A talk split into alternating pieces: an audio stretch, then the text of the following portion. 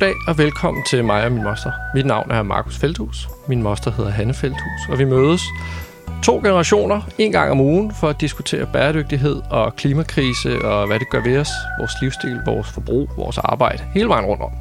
Så øh, hej moster. Hej Markus. Og øh, det er efterhånden længe siden, at vi sådan rigtig har peget pilen mod os selv og, og mod den branche, som vi er en del af. Så det synes jeg, vi skal prøve i dag. Så hvis vi starter med at, at etablere, Monster, du har arbejdet med reklame i øh, mange år, virkelig mange år. Men de senere år har du kaldt dig konsulent.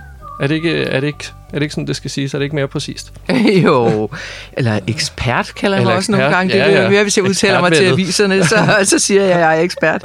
Øh, jo, det er rigtigt. Øh, det er faktisk, altså fra 93 til 2005, der var jeg jo ansat på Vibro Dugut Partner som strategisk direktør. Der var jeg rigtig reklamedame. Ja. Så fik jeg jo stress og gik hjem, og det har vi fortalt om mange gange, så blev jeg ikke at dvæle ved. Og så blev jeg selvstændig, men, men, men de første mange år, så var jeg selvstændig på sådan en måde, hvor jeg indgik som strategisk planner sammen med andre folk, som var kreative, mm. og så lavede vi stadigvæk reklame.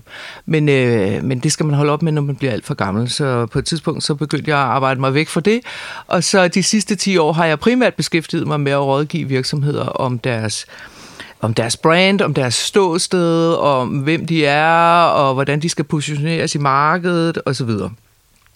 Øh, og det, jeg sådan set dybest set leverer, det er det er sådan en grundfortælling, eller en kernefortælling, eller en brain story. Kært barn har mange navne. Mm-hmm. Øh, og det, som det går ud på, det er sådan en meget kort beskrivelse af, hvorfor vi er her, hvad vi laver, og hvem vi gør det for, og sådan noget. Og det, øh, det har sgu virket meget godt. Det vil, det vil folk stadig gerne have. Mm. Ja. Og det lyder over sådan dejligt buzzword-agtigt. Og, øh, og, og hvis jeg skulle fortælle om, hvad jeg lavede, så ville det også lyde øh, lige så buzzword-agtigt, men der er jeg måske 20-30% rådgiver, og så 70-80% reklamemand. Det er et godt sted at starte. Og det er et godt sted at starte. Uh, men hvis vi nu holder os til sådan konsulentjobbet eller rollen, så er der jo ganske meget varm luft i den, hvis vi kigger ud over det ganske land. Uh, og derfor så er konsulenten også sjældent sådan den mest elskede person. Uh, og der har jo også været meget at snakke om konsulenter i det offentlige, og så fremdeles. Men til pointen, fordi på trods af, at uh, på, på trods af det her, så er der jo alligevel mange gange konsulenter, som så hyres ind til at skulle lede eller facilitere innovationsprojekter, innovationsprojekter, forandringsprojekter, og blandt andet også dem, der skal føre den grønne omstilling ud i livet, eller gøre dem til en realitet. Så vi er altså ikke, vi er ikke helt vilde med konsulenterne, men vi ved heller ikke helt, hvad vi skal gøre uden.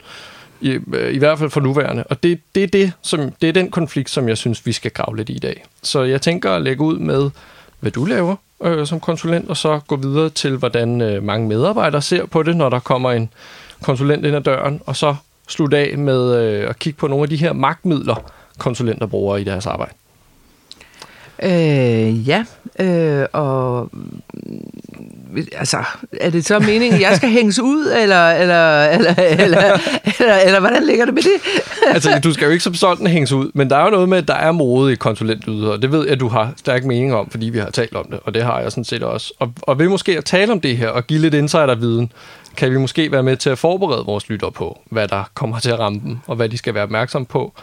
Øh, og måske også sådan, at samarbejdet med konsulenter eller valg af konsulenter gør, at de lykkes med det, der var intentionen. Okay, det lyder som plan. Jeg går med på den. Det er godt. Øh, og nu kender jeg, jeg kender jo, og du er et af de mest overbevisende mennesker, når du først sidder i en diskussion, og jo flere mennesker om bordet, desto mere øh, slagkraftige overbevisende. Jo, men det er jeg glad for, du Ja, synes. det er da ros. øh, men det er ikke så meget konsulentarbejde, vi har lavet sammen. Jeg tror, jeg har lavet lidt research for dig, dengang jeg var mm. stadig studeret, men jeg har ikke siddet med sådan ved højbordet. Øh, så jeg er nysgerrig på, hvad for en konsulent du er. Altså, hvad for nogle modeller eller begreber, måske smarte begreber, bruger du til at forstå virksomheder, for, for, forklare dem, hvad det er, du ser, eller, eller er der nogle begreber, der er mode i, som du særligt har brugt i ja, dit arbejde? Ja, der er, jo, der, er jo, der er jo hele tiden mode i begreber, øh, i managementbegreber og brandingbegreber og marketingverden. Det er jo fyldt med mode hele tiden. Mm. Og, det er jo, det er jo, og det er jeg helt sikker på, at alle vores lyttere har oplevet på et eller andet tidspunkt, på en eller anden arbejdsplads, at lige pludselig kommer der en ny chef, og så skal der ske noget nyt, og så hyrer han nogle konsulenter, og så kommer de med alle mulige smarte ord. Altså basically har jeg det sådan, at jeg synes, at det vigtigste det er at kigge på den enkelte virksomhed og så ligesom øh, tage bestik af den. For alle virksomheder har nogle helt særlige forudsætninger, de har nogle helt særlige markedsvilkår, et helt særligt segment, de arbejder i, hvad ved jeg. Og, øh, og det er jo det, man skal arbejde indenfor, i stedet for at komme med en eller anden smart løsning op putte ned over hovedet på dem. Men jeg må indrømme, at der er et modebegreb, som jeg, Nå, det var, godt. Til, jeg var til fals for. Og det er, det er faktisk snart uh, 10 år siden, 8 år siden eller sådan noget, hvor jeg var i Cannes til Reklamefilmfestivalen dernede, eller Kreativitetsfestivalen hedder det nu om stunder, ja. hvor, hele, hvor alle reklamebureauer fra hele verden, alle kommunikationsbureauer, alle der arbejder kreativt, mødes og deler priser ud til hinanden en gang om året. Det har de så ikke gjort i år på grund af coronakrisen. Og det er faktisk, øh, det kan være meget inspirerende at være dernede, fordi der ser man ligesom, hvad de store tendenser er, hvad er det, de store annoncører Har du vundet noget dernede? Aldrig, øh, men jeg har heller ikke sendt noget ind, så det, det kræver det jo ligesom på en ja. eller anden måde. Nej, jeg er der på grund af det faglige, og, og, og få møde en masse mennesker, og, og høre, hvad der sker ude i den store verden. Fordi vi, tro, vi synes jo altid her i Danmark, at vi er ligesom verdens centrum, men det er vi ja, ikke, og slet ikke, hvad det angår branding og marketing. Altså, det er opfundet i USA, og alle de nye ting kommer fra USA, og sådan er det bare. Og det er Coca-Cola og Procter Gamble og alle dem der, som sætter, hvad skal man sige, tendensen, ikke? Nå, men der var så øh, for der 8-9 år siden, der begyndte man at snakke om, at man skulle øh, have et højere formål med sit brand. Øh, og i starten, der kaldte man det ikke andet end at... Det hed sådan lidt forskelligt. Så var der nogen, der kaldte det good advertising, og så var der nogen, mm. der kaldte det altså meningsfulde brands. Det, det, hed, det hed i starten alt muligt forskelligt, fordi det var sådan lidt nyt. Og det synes jeg dengang var vanvittigt spændende, fordi at... Øh, at der, der var sådan ved at gå sådan noget... Jeg var også ved at blive metaltræt i alt det der. Det hele skulle bare være så kommercielt, og vi skulle bare sælge en masse varer. Og så var det lige pludselig super spændende, og jeg vidste for mange af de kunder, jeg havde arbejdet for, at der er også rigtig mange medarbejdere, som søger at få... Altså, de bliver, det er meget mere motiverende, hvis man har et formål, man, et højere formål, bare at sælge, sælge nogle flere varer. Så bliver man gladere af at gå på arbejde, og man synes, det er skide sjovt. Altså, og det den, den mest kendte kampagne, jeg har været med til at lave, hvad det angår sådan på strategiplan, jeg har ikke lavet reklamerne, men jeg har lavet strategien, øh, det er tal ordentligt, altså call me, tal ordentligt, det koster ikke noget. Det er sådan ja. typisk, det der så kom til at hedde en purpose-kampagne. Ja. Øh, det blev så modeordet, nu skulle alle have et purpose. Og, og jeg indrømmer Blanco, at den synes jeg var skide god, og øh, jeg, skrev, øh, jeg, jeg skrev rigtig meget om det, og jeg skrev rigtig mange klummer om det, og derfor var der selvfølgelig også nogen, der ringede til mig og sagde, om kan du ikke komme ud, kan vi ikke få sådan et? Purpose. Øh, purpose. Vi skal have et purpose, så kom ud og hjælp os med at finde det. Og det er jo sådan en klassisk konsulentrolle. Ja. De vil gerne have noget, men de kan ikke finde på det selv. Og så kommer man ud, og så laver man alle mulige kreative workshops, hvor man prøver at indkredse, hvad kunne det være. Og det var også sådan, det skete med Call Me. De vil gerne have dengang, det, det, er jo, det ligger så jo, Purpose ligger så ret tæt op af CSR, som ja. der måske er flere mennesker, der kender. Ikke? Og CSR har jo typisk været sådan noget, der var nogen, der sad i et kontor nede i det bagerste hjørne og lavede sådan til husbehov. Fordi så kunne direktøren sige, at sådan en havde man. Ja, man øh, fik en rapport en gang om året, hvor ja, der stod noget. og man kunne skrive det i årsregnskabet og sådan noget. Og, og alt det der, det er jo i virkeligheden noget fis i en hornlygte. No. Fordi, ja, men det er det. Fordi man kan ikke opfinde et purpose. Altså, det var jo fuldstændig fantastisk for Call Me at få den der kampagne. Medarbejderne blev kamplykkelige af det. Kunderne skrev ind og sagde, hvor var det godt, der var nogen, der gjorde noget. Men altså, der er jo ikke sket andet, end at tonen er blevet endnu værre, end den nogensinde har været. Nu er det snart det ved jeg ikke, 7-8 år siden, vi kørte den kampagne, den kørte i rigtig mange år. Ikke? Altså, det, man prædiker for de indvidede, skal vi sige det på den måde. Ikke? Altså, internettet er jo stadig den svoglpøl, øh, eller endnu værre svoglpøl, end den nogensinde har været, øh, i forhold til øh, altså tidligere tider. Ikke? Ja, og vil Me overhovedet kunne gøre noget ved det? Jamen, det kan de jo ikke. De lavede alle mulige forskellige samarbejder. De var faktisk rigtig oprigtige. De ville gerne gøre noget, så de lavede alle mulige samarbejder med DSB og HT og alle mulige virksomheder om, at, øh, at man ligesom du ved, lavet samarbejder om at sætte fokus på det her, så også de der stakkels chauffører ikke blev overfuset. Og, øh, altså, så intentionen var god? Ja, intentionen var god, og de øh, kæmpede virkelig, virkelig hårdt for det. Så på et tidspunkt så holdt den direktør op, som ligesom havde stået bag det, og nu har de jo forladt det. Og det, det er jo, og det er der, hvor jeg mener, at den er gal med det opfundne purpose. Fordi en virksomhed skulle jo gerne have et formål i sig selv. Altså, hvorfor er du sat i verden? Altså, du skulle gerne gøre et eller andet, som løser nogle behov for nogle kunder, og gør, altså, øh, øh, som har et, et, et formål i sig selv, kan man sige. Så ikke? du siger, at det skulle gerne være nok til, medarbejderne faktisk synes, det er fedt nok at sælge flere af de her varer. Fordi, ja, fordi de varer fordi er gode. Ja. De er gode. Altså, de gør noget godt for folk. De ja. hjælper folk i dagligdagen. Problemet er jo bare, at det hele er blevet så lean mean fucking machine, og det, at der skal spares på alting og sådan noget. Så hvis man nu for eksempel lavede støvsuger for bare at tage noget, det løser jo et praktisk problem for rigtig mange mennesker. Men støvsuger bliver jo i dag lavet på en sådan måde, at de ikke kan repareres. De bliver solgt utrolig billigt, så man kan sælge utrolig mange af dem. De kan ikke repareres, så derfor smider folk dem hele tiden ud. Så har virksomheden jo ganske vist et purpose at hjælpe folk med at gøre rent. Men de gør det bare på en måde, som er altså helt i hegnet. Ja. Og det har Aarhus Universitet i øvrigt lavet en, et, et forskningsprojekt om, hvor de er gået ud på alle mulige genbrugsstationer og set, hvad er det for en vare, der bliver smidt mest ud? Og det er sjovt nok støvsuger. Der kan jeg anbefale at gå ned i støvsugerbanden, hvor jeg købte min sidste støvsuger. Der var et menneske, som synes, at støvsuger det var det fedeste. ja, men, øh, men det er jo ikke sikkert, det var den fedeste støvsuger, han solgte der, vel? Oh. Øh, nå, nå, men, men, men, men, men, så det er et af de, øh, hvad skal man sige, modebegreber, jeg har været rodet ind ja. i. Og det foregår jo typisk på den måde, at virksomheden har et eller andet, altså når det sådan er et påklistret purpose, så foregår det på den måde, at virksomheden har et eller andet ønsker om at, at tilføre deres brand en større mening, så de kan positionere sig i forhold til alle mulige andre brands, og så finder man på noget. Ikke? Altså, og så sidder man i nogle hmm. workshops, og, og så siger man, hvad er det for nogle kunder, vi har, hvad er det for noget, en kultur, vi har, hvordan synes vi selv, vi er, og så finder man på et eller andet. Det er jo det samme med den heostratisk berømte kampagne for Dove, øh, hmm. som er Unilevers sådan supermarkeds øh, sæbecreme øh, ja. øh, brand, ikke? som jo er gået hårdt ind i at øh, empowering women, ikke? Ja. altså øh, få kvinder til at få større selvtillid og få dem til at gå ud i, i verden med rang ryg, og de siger real beauty, og den skal komme indenfra, og alt det der halløj.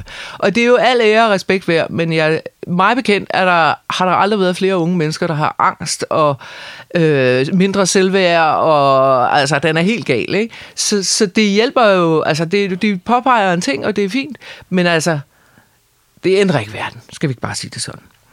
Nå, i, i rumpetten af det der øh, purpose, så kom jo så den der Start With Why, øh, ja. Simon Sinek's øh, bog, som de fleste sikkert også har hørt om. Øh, fordi det var jo så at gå et skridt tilbage og sige, jamen hvorfor er vi her overhovedet? Og det er jo det, der er morsomt ved mange virksomheder, det er, at øh, de har jo alle sammen vidst, hvorfor de var der, da de begyndte. Eller de fleste af dem har i hvert fald, ikke? Jo, Ja, det må, det må man, man, for, det må man forestille sig. Men så har de glemt det undervejs, fordi så er de begyndt at lave alt muligt andet, eller du ved, så, er det, så går det hele ud på, at nu skal vi effektivisere, og nu skal vi outsource det hele til Kina, eller nu, du, du ved, der, ja, ja. der kommer til at ske alt muligt andet, og så er de faktisk glemt for, hvorfor de er der. Øh, og så der har hele den der why-bølge jo kørt, og det, han, han lagde jo ud med, hvorfor Apple var så succesfuld. Det var, fordi mm. de havde et why, der hed Think Different. Ja. Men det er jo, fordi det kom fra Steve Jobs, og Steve Jobs var en fuldstændig ekstraordinær enestående begavelse til at læse markedet og teknologien og forstå, hvad kunderne havde brug for. Men det bliver man jo ikke, fordi man sidder ude på Vestegnen og, og laver kemikalieprodukter. Så bliver man jo ikke fuldstændig fantastisk, fordi man lige pludselig øh, ved hjælp af en konsulent har fået skrevet en sætning ned om, hvorfor vi er her. Altså, fordi det skal jo komme indenfra. Og det er det, der er problemet med konsulentrollen og alle de der bløde værdier. At hvis, det ikke, hvis, hvis der ikke er en kraft i virksomheden selv, altså hvor ledelsen vil det her, øh, og måske skal have hjælp til at formulere det, spidsformulere det og afgrænse det og sådan noget. Den er, det er jeg helt med på. Men jeg har siddet i møder, hvor jeg tænker, jamen nu sidder vi og laver det her, og det synes de er skide sjovt, men når jeg er gået, så kommer det ikke til at ændre en pind. Altså fordi jeg kunne se, at de havde ikke kraften til rent faktisk at føre det ud i livet. Og hvad gjorde det ved dig at, at sidde i sådan nogle møder? Jamen, jeg bliver jo totalt demotiveret, altså. Øh, og det var, det var også derfor, jeg på et tidspunkt ligesom trak følgehornene til mig og tænkte, nej, nu, nu, nu skal det handle om noget virkelig vigtigt, altså bæredygtighed. Ikke? Øh, hvordan, kan, hvordan kan det blive det? Så. Ja, ja, og det vil også netop, det adskiller sig fra purpose ved, at du, du kan altid lægge purpose på på en eller anden måde. Det er så bredt, du kan finde formålet ja, ja, ja, ja. I, i, i det hele. Ja, ja. Du kan øh, sige, nu vil vi være noget for marsvin, øh, ja, ja. eller et eller andet. Og så kan man finde et formål i det, hvorimod at bæredygtighed er mere hårdt. Ja, altså, det, det skal jo komme øh, fra virksomheden. Altså det skal jo komme fra virksomhedens produktionsapparat og måde at distribuere på og ja, ja. den måde deres måde øh, deres energiforbrug og det, ja. om de fælder regnskov mm. for at producere de produkter de laver eller hvad de nu foretager sig, ikke? Ja. Så konsulenterne passer ind ved, når der reelt set er en vilje til at ændre noget, så kan de så ja, kan så kan man fa- hjælpe med at... Ja, facilitere processen ja. i forhold til at sige, mm. prøv at høre, det her, altså, konsulenten kan jo altid se tingene udefra, og det, er jo, det, og det har mange virksomheder faktisk rigtig meget brug for. Det er også ja. derfor, man ringer til reklamebureau, når man skal have lavet reklame. Hvorfor laver virksomheden ikke bare selv deres reklame? Jamen, det er ja, fordi, ja. de har brug for, at der er nogen, der kan sige, at det der, det kan fru Hansen simpelthen ikke forstå, eller, hmm. eller lille Theo, eller hvem der nu er målgruppen. Ikke? Det, ja, ja. Det, det forstår de ikke. Øhm, og så, så det er jo det, konsulenten er, er, skal kunne, det er at have en forståelse for, hvad fanden foregår der uden for murene, og så bringe den forståelse inden for murene, og så hjælpe virksomhederne med at få formuleret, altså forstå noget, få en indsigt om, hvad der foregår derude, og hvad der vil resonere med folk, tænker jeg. Ja. Så, øh, Øh, så, så, så, så, så, så, og, og det er jo også derfor, at jeg synes, at det vigtigste er jo i virkeligheden at forstå, hvad er det for en virksomhed, man kommer ind i, og hvad er det for et marked, de opererer på. Så i stedet for at tage en eller anden standardmodel og sige, nu gør vi sådan her, og der er fem trin i processen, og så ender vi der. Ah, ikke? Altså, det går sgu ikke. Ja, men, du, men du skrev også en, du skrev en bog for, jeg kan ikke huske, det er mange år siden efterhånden. 12 år siden. Der hed Den stensikre vej til fiasko. Ja, fordi jeg tænkte, jamen, hvis man altid bare kunne prøve at kopiere andres succes. Altså, nu prøver vi alle sammen at blive ligesom Apple. Det kan vi ikke. For det, Apple er Apple, og de er noget helt særligt, ikke? Så, men det, man helt sikkert kan lære noget af, det er andre folks fiaskoer. Mm. Altså, gå dog udenom dem, lad dig være med at begå ja. den fejltagelse. Så det skrev jeg så en bog om. Så, og det var rigtig sjovt. Det, det, og det, det blev også en pæn succes. Sådan. Men jeg tænker også, det her med at, øh, det her med at kunne give en virksomhed noget unikt, det er jo også det er jo mega hårdt, og jeg tænker, det, det er måske også nemmere nu at gøre for dig, fordi du er selvstændig. Men så snart der er flere mennesker, så er det svært hele tiden at skulle ind og bøje sin proces og bøje de modeller, som man normalt arbejder med. Og det er nok også derfor, at folk har en lille aversion imod det. Vi har også selv, altså vi går også selv og bakser med det, og med nogle kunder, så kan vi gøre det. Vi har særlig en, hvor vi virkelig har bøjet os selv altså bagover, og, og, og det fungerer fantastisk nu, men vi har også brugt øh, lidt over et halvt år på at lære hinanden at kende. Vi har talt om muskellæring og små misforståelser, og, og muskellæring var bare et, en måde at give os et ord for at sige, nu kommer vi til at lave nogle fejl, selvom vi ved, hvad vi egentlig skal gøre, fordi det, det er bare en bøvlet proces. Ja. Nå, men det, og det er jo klart, at hvis man er et konsulentfirma, som har 300 medarbejdere, og, og man ligesom har slået sig op på, at vi er gode til det her, ja, ja. Øh, så skal de der, mind, ja, ja, laver... præcis. Øh, så skal man bruge øh, de modeller, som, øh, fordi ellers så sælger virksomheden jo ikke det samme. Nej, nej, og folk køber det, og de køber også noget tryghed i, okay, det er det der, vi får, så ved vi. Ja, ja, ja, hvad, hvad øh, helt sikkert, helt sikkert. Men øh, okay, nok om øh, dit, og så en lille bit smule mit arbejde her til sidst. Nu synes jeg, vi skal rykke videre til, hvordan det er som medarbejder når konsulenten kommer ind ad døren. Ja.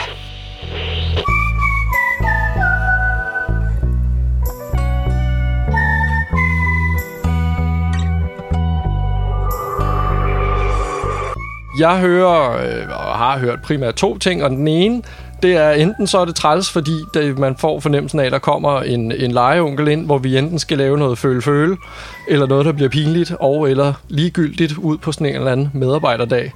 Øh, og det lyder jo egentlig slemt nok, men, men den anden ting, jeg hører nærmest værre, fordi det er... Altså, så, så er det en frygt for at blive fyret. Fordi når der så kommer konsulenter ind, så, øh, så ringer det ind, øh, så ringer klokkerne for forandring. Øh, og når der sker forandringer, så kan man aldrig helt være sikker på sin position på arbejdspladsen. Fordi måske passer man ikke ind i det nye. Det Jamen, det, og, det, og det er jo det, og det er jo derfor, folk bliver bange. Ikke? Så selvom jo, cheferne jo. står og siger, ja, men det er slet ikke noget med, at vi skal fyre nogen eller et eller andet, så tænker folk, jamen det kan jo være, at jeg ikke er god til det nye. Og så mister jeg hvad, hvad, skal sige, fodfæste, og måske mister jeg min position i virksomheden, og øh, bliver kørt ud på et sidespor, eller skal... Altså, du, du, jeg kan godt forstå, at folk bliver hunderede, når der kommer sådan en flok øh, konsulenter og jakkesæt ind og, og, og skal lave om på det hele, ikke? Ja, ja, også fordi det er jo meget menneskeligt at have forandringer. Altså særligt den slags forandringer, forandringer, som man ikke er herre over. Man har ikke selv, som medarbejder har man højst sandsynligt jo ikke selv hyret eller været med til at hyre de her konsulenter. Og så kan virksomheder jo netop nok så mange gange sige, at medarbejderen skal være forandringsparate. Det gør jo sådan set ikke nogen særlig forandringsparate, bare ved, at der er nogen, der siger det. Nej, og jeg har da siddet i, altså jeg har da siddet i workshop med sådan en ledelsesgruppe, du ved, der er udvalgt til, at nu skal vi gennemføre det her projekt. Og man ved bare, at de der to nede i hjørnet, og jeg kan, jeg, lige nu kigger jeg ind i bestemt, jeg kan se dem for mig. Og de sad simpelthen, altså faktisk nærmest åbenlyst og obstruerede processen. Ja. Øh, jamen, det gjorde de, øh, og øh, fordi det var helt tydeligt, at de de følte, at det vi lavede, det var et angreb på det, de tid til havde lavet, fordi det er også et, et problem, altså på chefniveau, det er, at mm. de har ledet deres afdeling på den her måde, de har kørt deres processer på den her måde, og nu kommer vi og siger, I skal være meget mere kundeorienteret, fordi det er jo altid det, jeg kommer ind og altså, I bliver nødt ja. til at tage udgangspunkt i, andet er det, det ligesom er at være kunde ude i den anden ende, ikke? og det er der jo ikke nogen, der gider, altså når det kommer til det. De gider godt snakke om det, men de gider ikke at gøre det. Ja, for det er jo også benhårdt jo. Men, og så tænker jeg faktisk også, at der er mange forandringer, som godt kan være frygteligt demotiverende. Altså forestil dig, at du har siddet i en IT-afdeling og arbejdet med at skabe en ny, et nyt system. Mm. Og det, er, og det har måske taget dig nogle måneder, måske har det øh, mere sandsynligt taget flere år, ja. øh, inden det system er færdigt. Det er endelig blevet implementeret. Gud, det blev faktisk også en succes. Folk var glade for det. Du vinder en pris for det. Alt er godt. Altså, så går der tre måneder, så får du besked om, at nu, øh, nu laver vi noget nyt. Altså, øh, fordi at det går så stærkt i IT-verdenen. Så, så, så kan du så se, at nu bliver der nedsat en ny projektgruppe, som sådan set skal smadre det system, du har brugt to år i dit liv, hvor du måske har arbejdet over, og der har hele tiden været deadlines, og altså, det kan jeg ved Gud i himlen godt forstå, at det er motiverende. Altså, øh, det må jeg bare sige. Og det, det, er, det er der jo sådan set ikke noget at gøre ved, øh, fordi IT forandrer sig hele tiden. Øh, men, men, øh, men jeg kan godt forstå, at folk ikke synes, det er sjovt. Ja, det, må jeg sige. Det mig også. Og man, og man kan sige, det, så er der den del af det, og så er der de konsulenter, som arbejder med, med de bløde værdier. Det kunne så øh, være dig, der kommer ind ja, med den kundeorienterede.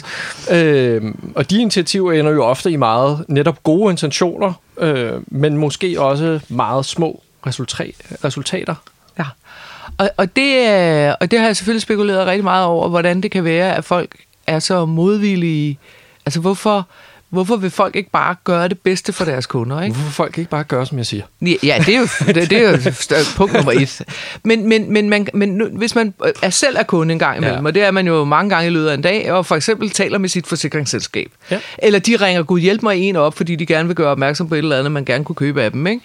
Og jeg siger til dem, jamen prøv at høre her, venner, jeg vil ikke have nogen tandforsikring, fordi jeg kender for tilfældigvis det produkt, og jeg skal ikke bede om nogen tandforsikring. Og så, eller okay, jamen så videre, så ringer de, og det er tryk, vi taler om, så ja. ringer de så igen ugen efter. Der er så en anden person, der ringer til mig og spørger om øh, noget med, om jeg kunne tænke mig en tandforsikring. Øh, og så siger jeg nej tak, og så tredje uge er der så en, der ringer. Hvorfor er det, de gør det? Det er jo fordi deres IT-systemer ikke virker. Der er ikke et eller andet yeah. sted. Der er jo ikke et eller andet sted, hvor den stakkels mand kan skrive, hende der vil ikke have tandforsikring, ring hende aldrig op om det mere. Det, den kolonne findes ikke i det system, vel? Så de bliver bare ved med at ringe til mig, til, til, til de kan sætte hak i den boks, der hedder, hun har fået den tandforsikring, som vi synes, hun skal have, så vi kan tjene nogle flere penge, ikke? Jo. Og, og, det, og det tror jeg er helt exceptionelt vigtigt. Det er de, de øh, rammer, som virksomheden arbejder inden for. Altså, hvad er det for et IT-system? Hvor meget tid har du til hver enkelt kunde? Øh, du ved, øh, altså det, ligger du og kører rundt i en lortebil, når du skal ud og besøge dem? Eller øh, har du en ordentlig øh, iPad med, som øh, kan... Altså, du ved, alt muligt, øh, som er rammerne omkring en, ens arbejdssituation. Og hvis de ikke fungerer, så skal du bruge så mange kræfter på, at, øh, at kompensere for det, og du kommer til at begå fejl, fordi kunden sidder og tænker, ved de intet om mig, nu har jeg handlet med dem i syv år, ikke? Altså, og så, så rammerne er jo sindssygt vigtige, og herunder jo ikke mindst den tid, du får til det, og og nu skal jeg ikke gøre mig klog på ældreplejen, men det har vi jo talt om hele sommeren, mm. og den forrådelse, der er sket i det system. Og nogen siger det på grund af besparelser, og andre siger, at det er en kulturudvikling. Men hvad kommer først? Altså, hvis, hvis du er så hårdt presset, at, og, og chefen i øvrigt bare sidder inde på sit kontor hele tiden og fylder formularer ud, som skal sendes til kommunen om alt det, I ja. har foretaget jer, og du har aldrig nogensinde, du ved, får supervision ja, ja. eller bliver ledet og guidet i, hvad du skal gøre. Altså... Ja, vi har før talt om kognitiv dissonans, ikke? og hvis man ikke har mulighederne for at gøre det godt, ja. så er man jo nødt til at være, og man gerne vil beholde sit job i øvrigt, og man ikke lige umiddelbart kan se, hvor man ellers kan flytte hen og måske er der slet ikke nogen bedre steder at flytte hen, jamen så er du nødt til at vente til, at sådan er det, og så bliver du måske mere ro, fordi det er den eneste måde at komme igennem ja, en arbejdsdag på. Ja, det der med, at man gør kunderne til en opgave, eller klienterne, eller beboerne, eller hvad de nu hedder. Til en checkliste, der skal tjekkes af. Ja, de, de bliver til en opgave i stedet for et menneske, der skal have hjælp. Ikke? Altså, ja. Så, så, så jeg er meget optaget af det der med, hvis, det kan godt være, at I, I gerne vil sidde her og holde workshop om alt det nye, der skal ske, men hvis I ikke vil ændre på rammerne, så kan I ikke forvente, at, at det bare kommer til at ske af sig selv. Nej, altså. så kan man maksimalt give nogen moralsk stress, fordi man minder dem om, hvorfor det egentlig var, de startede i første omgang. Det er det. Og det er jo også den gamle saying med, at uh, culture eats strategy for breakfast. Altså.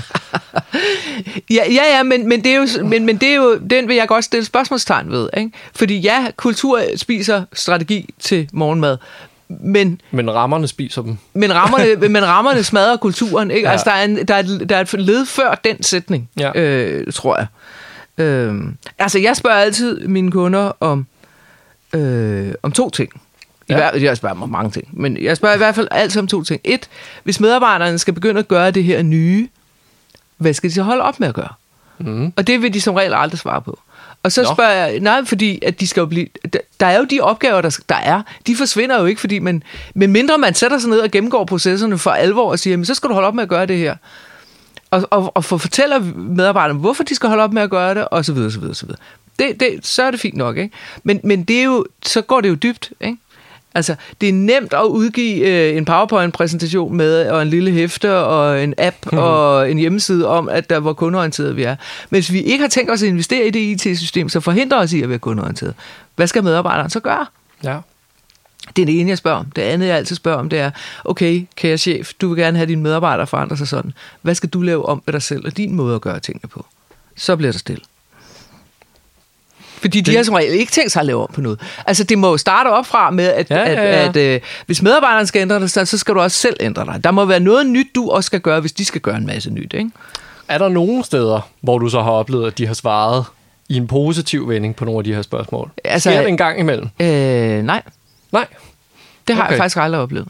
Jo, det har passer du, ikke. Har du det passer ikke. Det passer Nå, det ikke. Call me, de lavede om på tingene. Okay. Meget, meget, meget, helt konkret lavede de om på tingene. Øh, altså for eksempel lavede de, fordi de, altså når man siger, tal ordentligt, det koster ikke noget, mm-hmm. så er det jo enormt vigtigt, at ens egne medarbejdere taler ordentligt. Så de blev selvfølgelig sendt på kurser og alt muligt andet, men det var ikke det vigtigste. Det vigtigste var, at de fik besked på, at at øh, hvis der var en disput om en regning, det er typisk det, man skændes med sit øh, telefonselskab om, ikke? Øh, det er, at regningen er forkert. Hvis der var en disput på en regning under 50 kroner, så må, havde medarbejderen carte blanche til at give det hvis de synes, det var rimeligt, uden at skulle spørge chefen. Okay. Det er jo en helt konkret forandring. Af rammerne. Hvor, ja, ja. Øh, og ja, men deres kundetilfredshed steg jo sky high. Altså det gjorde den faktisk. Øh, pludselig så havde de også sådan et, øh, en øh, ting med, at man kunne ringe til kundeservice-chefen, han havde åbent telefoner hver tirsdag fra 8 til 12, så kunne alle kunderne ringe ind og snakke med ham, hvis de synes, at de ikke havde fået en ordentlig behandling. Okay. Og det synes jeg er genialt, i forhold til alle de der åndssvage øh, research. Hver gang man har ringet til nogen, du vil blive ringet op bagefter, og vi vil være glade for, hvis du lige svarer på fem spørgsmål om, mm. hvor godt det er gået. Ikke?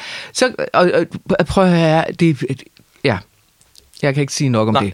Men, men det, jeg synes, det var genialt, det var, hvis man faktisk havde noget, man gerne ville tale med, altså hvor, hvor virksomheden kunne få noget indsigt, noget rigtig indsigt, så kunne kunderne ringe ind til kundeservicechefen. Altså, det synes jeg kræftede mig smart. Det er da genialt. Ja, Nå, og de det gjorde det fandme. Altså. Det er godt. Nå, men så mm. ender vi med en lille, en lille positivitet her i blok 2. Ja, men det var ikke nogen konsulenter, der havde opfundet det. Det var faktisk chefen selv. Nå, så, så meget desto bedre. Ja. Øh, okay, men så synes jeg, vi skal øh, gå videre og se på nogle af de her, nu teaser vi lidt med magtmidler, som ja, det lyder dramatisk. bruger. Det lyder meget dramatisk. Øh, og her tænker jeg måske ikke så meget på dig, Moster, men mere generelt. Øh, og, de, og de er meget subtile, de her magtmidler.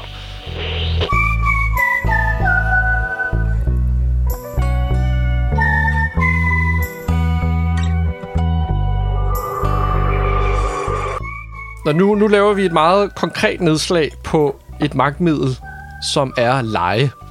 Ja, og der kan jeg sige, at det her med at lade hus forbi, for det har jeg aldrig gjort.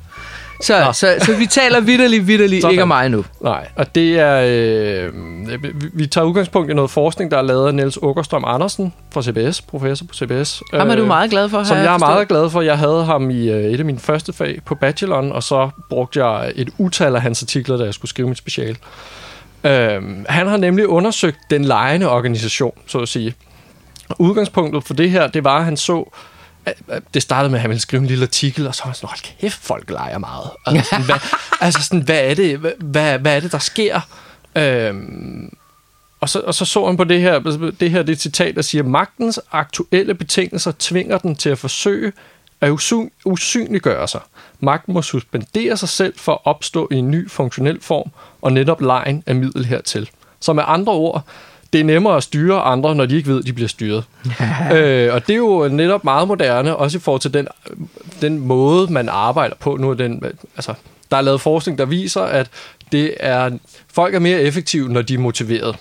Og især når de skal være, lave komplekse... Nok. Ja, ja. øh, når de skal lave komplekse opgaver. Så derfor så kan man ikke på samme måde som øh, måske for et par hundrede år siden, bare sige, altså simpelthen tro dem. Enten med fyringer eller med alt muligt andet. Altså fordi det, så bliver de demotiveret. Mm-hmm. Det, folk er altså mere motiveret, når de føler, at de selv er styrende, de selv bestemmer, hvad der skal ske. Og hertil, der er lejen altså genial, fordi den, øh, den er så uskyldig. Altså, det ligger jo netop i det her med at lege. Det er jo bare noget, vi leger. Det er jo ikke virkelighed. Men hvornår er det så, de leger? Så hvornår er det så, de leger? Jamen, det, det er... Øh, han faldt sådan seks forskellige kategorier af det, men det kan eksempelvis være sådan noget omkring teamdannelse. Det her, hvis vi skal have et team til at rykke tættere sammen om noget. Ja. Øh, det kan være sådan noget fredagsros, hvor man så, så hænger man en lille tørresnor op, og så er der et navn på en kuvert, og så kan man sætte nogle små rosende øh, noter ned til hver person. Eller det kan være månedens medarbejder. Øh, det hvor... lyder ikke særlig lejende, men ret hardcore. Ja, men det vil han stadigvæk kategorisere som en leg eller et spil. Det handler om, hvad, på en eller anden måde, hvad der er på spil. Nogle gange, så vinder man jo bare et diplom, så er der ikke nogen bonus, og så vil man stadigvæk sige, det er stadigvæk noget, vi leger. Man bliver jo månedens medarbejder, det er et diplom, men det er jo ikke som udgangspunkt, du får ikke en forfremmelse. Øh, på den måde sker der ikke noget i den dur. Men så er der også mere, altså den endnu mere bløde del af det, der er sådan noget diversitetsbingo. Handler om forandringsledelse, hvor man, øh, så skriver man en masse forskellige faktuelle ting ned om personer. Det kan være alt fra øh, gamle elitesvømmer, eller elsker karaoke, eller alle sådan nogle ting, hvor man så igen får nye måder at forstå hinanden på. Så skal man gætte, hvem den her faktuelle ting ah, passer på. Ja, det er sådan et, et, et, et selskabslej, ja, nærmest. Ikke? Meget i den dur. Øh, der er også noget, der hedder ansvarsbilledet, som særlig meget ude i foreninger eller kommuner eller noget, hvor der bliver lavet frivilligt arbejde, hvor der så, så skal man, så er der sådan en form for rollespil, og så skal man lege, hvem har ansvaret her. Det kunne også være på skoler, hvor man så, så skal forældrene spille både børn og voksne, og så sige, hvem har egentlig ansvaret her for at lave madpakke, eller for at der bliver lavet lektier. Og det, som han så siger, det er, når man, altid når man går ind til lejen, i hvert fald som oftest, så er det jo netop bare noget, vi leger. Men så, og man gør det for at få noget spontanitet frem, eller for at nedbryde nogle barriere, eller netop for at fravriste sig øh, ens fortid på en eller anden måde. Så derfor så kan man se sig selv i et nyt lys, og det kan jo være udmærket mange gange. Men det, som han så siger, er, man skal bare huske på, at leg i virksomheder ikke er uskyldig. Mm. Aldrig nogensinde. Der er aldrig nogensinde nogen, der bare leger for at lege. Der er altid en bagtanke. Og det er der, hvor han mener, der er et problem. Magten skal stå ved sig selv og det gør den som oftest ikke, når der leges. Og Nej, det altså så, fordi den bliver pakket ind fordi i... den bliver pakket nu... ind i, nu hygger vi, og det kommer ikke til at betyde noget. Og så siger han øh, eksempelvis, så fredagsrosen og det der med tørresnoren, det lyder jo måske som det mest uskyldige. Men hvad med dem, der ikke får ja, ja, ja, en lille sædel, ja. eller får en trøstesædel, så går de, altså så bliver noget, der er uskyldigt, så bliver det alligevel en ting, der sådan er med til at styre ens adfærd. Hvad er det egentlig, som man gør, som man får ros for? Eller månedens medarbejder, kan jo også virke uskyldigt. Man vil jo bare gerne hylde nogen. Men mange gange, så giver det sindssygt spidse albuer, fordi så kan det godt være, at det er bare et diplom, men det er alligevel noget, man taler om, og man, bliver, man får så point for, lad os bare sige, det er for at lukke salget. Og på den måde, så kan man ellers skubbe sig foran alle de andre mm. for at lukke det salg. Mm. Øhm, så, så på den måde, så... Øh... Men hvad, hvad, øh, undskyld mig, men ja. der er jo også nogen, du ved, det er jo også blevet meget moderne at lege med Lego-klodser. Oh ja, ja. Ikke? Altså, jo, det så, så, så, så kalder man en kæmpe kasse Lego-klodser ud midt på gulvet, og så skal folk gøre et eller andet, ikke? Lige jeg har heldigvis aldrig prøvet det, men... men øh... Nej, man kan få certificeringer i det, tror jeg, i at afholde Lego-kurser. Hold nu op, mand. Tænk, at Lego vil lægge navn til det. Ja. Og han fandt, der var cirka 3.000 forskellige lege. Okay, så er der lidt af hver. Og det er øh, ret mange år siden efterhånden, så, vi, og, så der er nok 6-8.000 nu. Ja, ja, men det er jo også noget med, at så skal man lege. At, men det, har, det har jeg faktisk været med til en gang, hvor jo. et eller andet, det er mange, mange år siden, hvor vi skulle drive en eller anden virksomhed, og så skulle vi spille mod de andre, det var delt op i hold, og ja. så skulle man, øh, du ved, hvem har så fået solgt mest øh, til sidst, ja, ja. eller et eller andet, og så skulle man så... Det var sådan en teambuilding-ting, ja. ikke? Og hvis det er mere over mod sådan den, den grønne omstilling, så er der noget, sådan noget eller ressourcer i spil, hvor man så skal forestille sig, at man, man har sine ressourcer der i virksomheden, men man ligesom skiller tingene ad. Sådan så hvis vi nævnte Danish Crown, tror jeg, lige inden vi tog på, øh, lige inden vi tog på sommerferie, hvor vi sagde, hvad hvis nu, at de bare så sig selv som nogen, der var gode til at Åh, oh, det var med det, var, ja, mad. Ja, ja, det var tulip, det var tulip koncern. Ja, ja. Altså sådan, så på den måde, hvad hvis man ser sine ressourcer, og man sætter dem i spil på nogle andre måder? Mm. Øhm, så, så det er altså et, det er en af de her midler, som konsulenterne bruger. De lægger nogle forskellige incitamentstrukturer, eller nogle forskellige, de laver rammerne på spillet sådan, at de får de rigtige ting fremad, men de nævner det stort set aldrig upfront, og derfor så er der nogen af de her mennesker, som har været en del af det her spil, der bagefter siger, hvad fanden skete der her? Mm. Så er der mm. eksempelvis med ansvarsspillet, så er der nogle af de her forældre, øh, der har været, der har, så har de lejet rollespil, og hvem har ansvaret for hvad, og så lige pludselig så siger, øh, om det er en konsulent, de har haft udlandet, eller en lærer, der har faciliteret, siger, Nå, nu, på baggrund af det her, så skal vi lave nogle bindende aftaler om, hvordan, øh, hvordan det skal køre i klassen, og så står de der og er sådan, ja, øh, Nå, det havde jeg ikke, hvad for noget? ja, det, det var ikke en del af præmissen til at starte det med. Var, det var ikke en del af lejen. og, og sådan er det bare over det hele. Og, og som ofte så gennemskuer vi jo så de her lege. Det vil jo forældrene så også vide næste gang, de leger ansvarsspillet. Ja, ja, ja. Øh, så lader de så ikke narre sig lidt. Nej, og når vi har lavet månedens medarbejdere i et par år, og vi ligesom kan se, at vi får spidse albuer, så okay, nu ved vi godt, hvad bagsiden af det er. For det er jo som oftest det, der er med lejen også. Den præsenterer jo kun den pæne side, forsiden, alt det, den lover, er gode ting, men vi ser ikke bagsiden. Men det gennemskuer vi så. Øh, og her er det jo så, at den dygtige leder eller den dygtige konsulent så har jeg øh, har alle mulige grund til så selvfølgelig at lave en ny leg. Eller, og her kan vi jo også brede det ud, for det er jo det samme med begreber eller modeller eller mm. alle de her ting. Ja, ja, ja. Der skal hele tiden komme noget nyt. Der skal hele tiden komme noget nyt, fordi vi vi på en eller anden måde gennemskuer eller ser, hvad er bagsiden af det. Da Purpose ja, i... kom, eller Start with the Why, så så vi også, oh, kæft, og de lover altså formålsdrevne virksomheder og, det, og højere formål. Og så så vi, at det bliver bare flot, fordi man kan ikke rigtig få lagt det på. Og nu er Simon Sinek jo så kommet ud med en ny bog, og en ja, ny model, der ja, hedder ja, ja. The Infinity Game. Så hele tiden det der med, vi skal lave noget nyt, fordi når vi laver noget nyt, så er det svært at gennemskue, hvor i magten ligger, så bliver den usynlig. Ja, men hey, hey, hey, der er lige en dimension mere i det. Ja. Ikke? Det er, at det virkede jo ikke, men den første virkede jo ikke. Nej, nej. Altså, for hvis den første virkede, så ville de jo blive ved med det. Ja, det så, så, så, så, så udover at vi gennemskuer magten, så, så er det jo også, altså fra et konsulentsynspunkt, så er det jo også fordi, at okay, jamen nu har de så øvet sig på det her med why i rigtig lang tid, og det er de ikke blevet mere profitable af, det har de ikke fået hmm. 10% højere markedsandel af, så nu kommer der måske en ny chef, og han skal også have sat gang i noget, og han vil gerne sætte sit eget præg på det, og selvom det måske egentlig går udmærket, så skal han stadig sætte sit eget præg på det. Nu skal man vide, at Carl Børge er kommet ind ad døren, og nu skal, nu skal den have noget mere bundgas. Ikke? Så, så hyrer han en eller anden konsulent, som har et eller andet kørende lige nu, som er moderne. Ikke? Ja, ja, ja. Ja, ja, så kommer der lige, så skal der lige pustes lidt ego.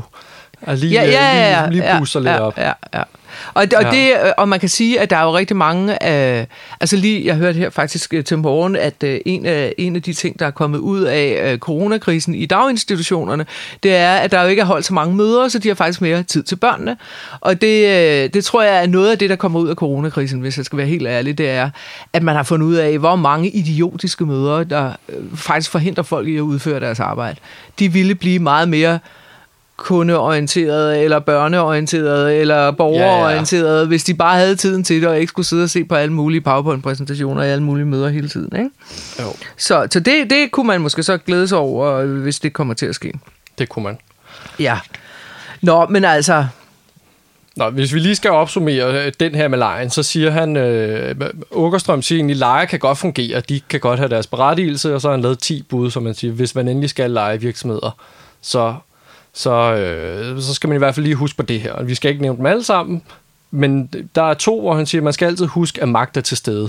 Så vi skal lade være med at lade som om, at vi bare hygger med det. Der er et formål, og vi må gerne sige med det samme, hvorfor er det, vi laver den her øvelse, eller den her leg, eller hvad den skal være. Og så den anden ting er, at man skal altid holde øje med, at at øh, på en eller anden måde medarbejderne ikke sådan bliver bundet på både hænder og fødder. De skal have sådan, at hvis de siger nej, så får de at vide, at det er jo bare en leg, selvfølgelig skal du være med. Og hvis de siger ja, jamen så risikerer de at være med i noget, som, hvor de laver bindende aftaler, som de egentlig ikke havde lyst til at lave. Mm. For som ofte, så er der en grund til, hvis der er noget, som de ikke vil sige på arbejdspladsen, eller noget af det der ubevidste, der skal frem, så er der en grund til det. Nå, så det var, øh, det var et meget ja, konkret eksempel på lejen. Altså, jeg tænker jo, øh, nu var jeg lige inde på det der med coronakrisen, ikke? Altså, hvad kommer den til at forandre? Mm. Det ved vi jo ikke en skid om endnu, men man kunne håbe på, at, at man ligesom skar lidt hårdere ind til benet og sagde, at vi skal ikke sidde og, og lave alt muligt sludder og vrøvl og lege, lege, lege alle mulige lege, som altså, dybest set ikke fører til noget synderligt. Ja. Men der er jo en anden meget stor krise, som vi to jo i særdeleshed er rigtig optaget af, og det er hele bæredygtighedskrisen, eller klimakrisen. klimakrisen. Og, og, og jeg har en idé om, at der nu skifter vi fra vej til hav. Altså fordi... Ja. Jeg prøver, og det er ikke, fordi det er moderne, eller fordi der er nogen, der har opfundet det. Det er simpelthen, fordi det er nødvendigt. Vi er nødt til at finde ud af, hvordan, hvordan er det, vi laver tingene. Og hvordan er det, vi påvirker verden, når vi laver tingene. Og hvordan kan vi lave om på det. Altså, jeg tror, det hele kommer til at handle om hav. Det tror og håber jeg også på. Og, og det er en meget mere hård, øh, det er en meget mere hård ting Altså, ja. fordi det, det her, det handler ikke om, at nu skal vi sidde og lege med Lego-klodser, eller noget med månedens medarbejdere, eller et eller andet. Det handler om, hvordan kan vi med, nedbringe vores energiforbrug, hvordan kan vi energioptimere vores boliger, hvordan kan vi nedbringe vores ressourceforbrug, hvordan kan vi begynde at bruge nye materialer, som ikke er så skadelige, og hvad skal man kunne, fordi der skal man ikke kunne lege, vel? Der skal man have dyb indsigt, ikke? Altså man skal have dyb indsigt, man skal være en hammerende dygtig ingeniør, man skal være en hammerende dygtig ja. økonom, der kan regne ud, hvordan det kan lade sig gøre, hvordan vi kan få det, få det finansieret. Man skal være en hammerende dygtig, måske biolog eller biotekniker, som kan regne ud, hvordan vi kan øh, bruge naturen på en mere skånsom måde, end, end bare at hugge skovene ned og lave minedrift og hvad, hvad man nu ellers gør. Ikke? Og det tænker jeg, at den der hårde ting er i virkeligheden, det lyder grimt, når man siger hård, men jeg tænker, det vil være det bliver en, en befrielse. Ja, lige præcis, det var det ord, jeg lige efter. Det, det bliver nemlig en befrielse for medarbejderne, fordi nu er der ikke, der er ikke noget subtilt magtanvendelse her. Der er, prøv, der er en opgave, vi skal have løst den, se at komme i gang. Ikke? Altså, det er til og det skal at få øje på. Ja. Og der er ikke noget med noget skjult halvøje af det ene og det andet. Så man kan godt forestille sig, at alle de her bløde konsulenter får en hård tid. Haha. Det var rigtig morsomt, det her, jeg lige sagde. Øh, og at de, hvad skal man sige, hardcore kompetencekonsulenterne, dem, der kan noget ingeniørværk, dem, der kan noget IT-værk, dem, der kan noget økonomiværk, dem, der kan noget biologiværk, er dem, der kommer til at hjælpe virksomheden med den grønne omstilling. Og det bliver forhåbentlig det, der kommer til at stå øverst på dagsordenen de næste mange, mange, mange år. Det kan vi håbe på. Og arbejde for ja. kommer til at ske. Det vil vi gøre. Skal vi slutte her og sige tak for i dag? Det gør vi. Det var konsulentrollen øh, vendt og drejet fra alle vinkler. Ja. Øh, hvis I kan lide, hvad I hører, eller synes, der er nogen, der måske kunne have brug for at høre det, så må I så forfærdeligt gerne dele den med alle mulige andre. Og ellers så høres vi bare ved næste uge. Det gør vi. Tak for i dag. Tak for i dag.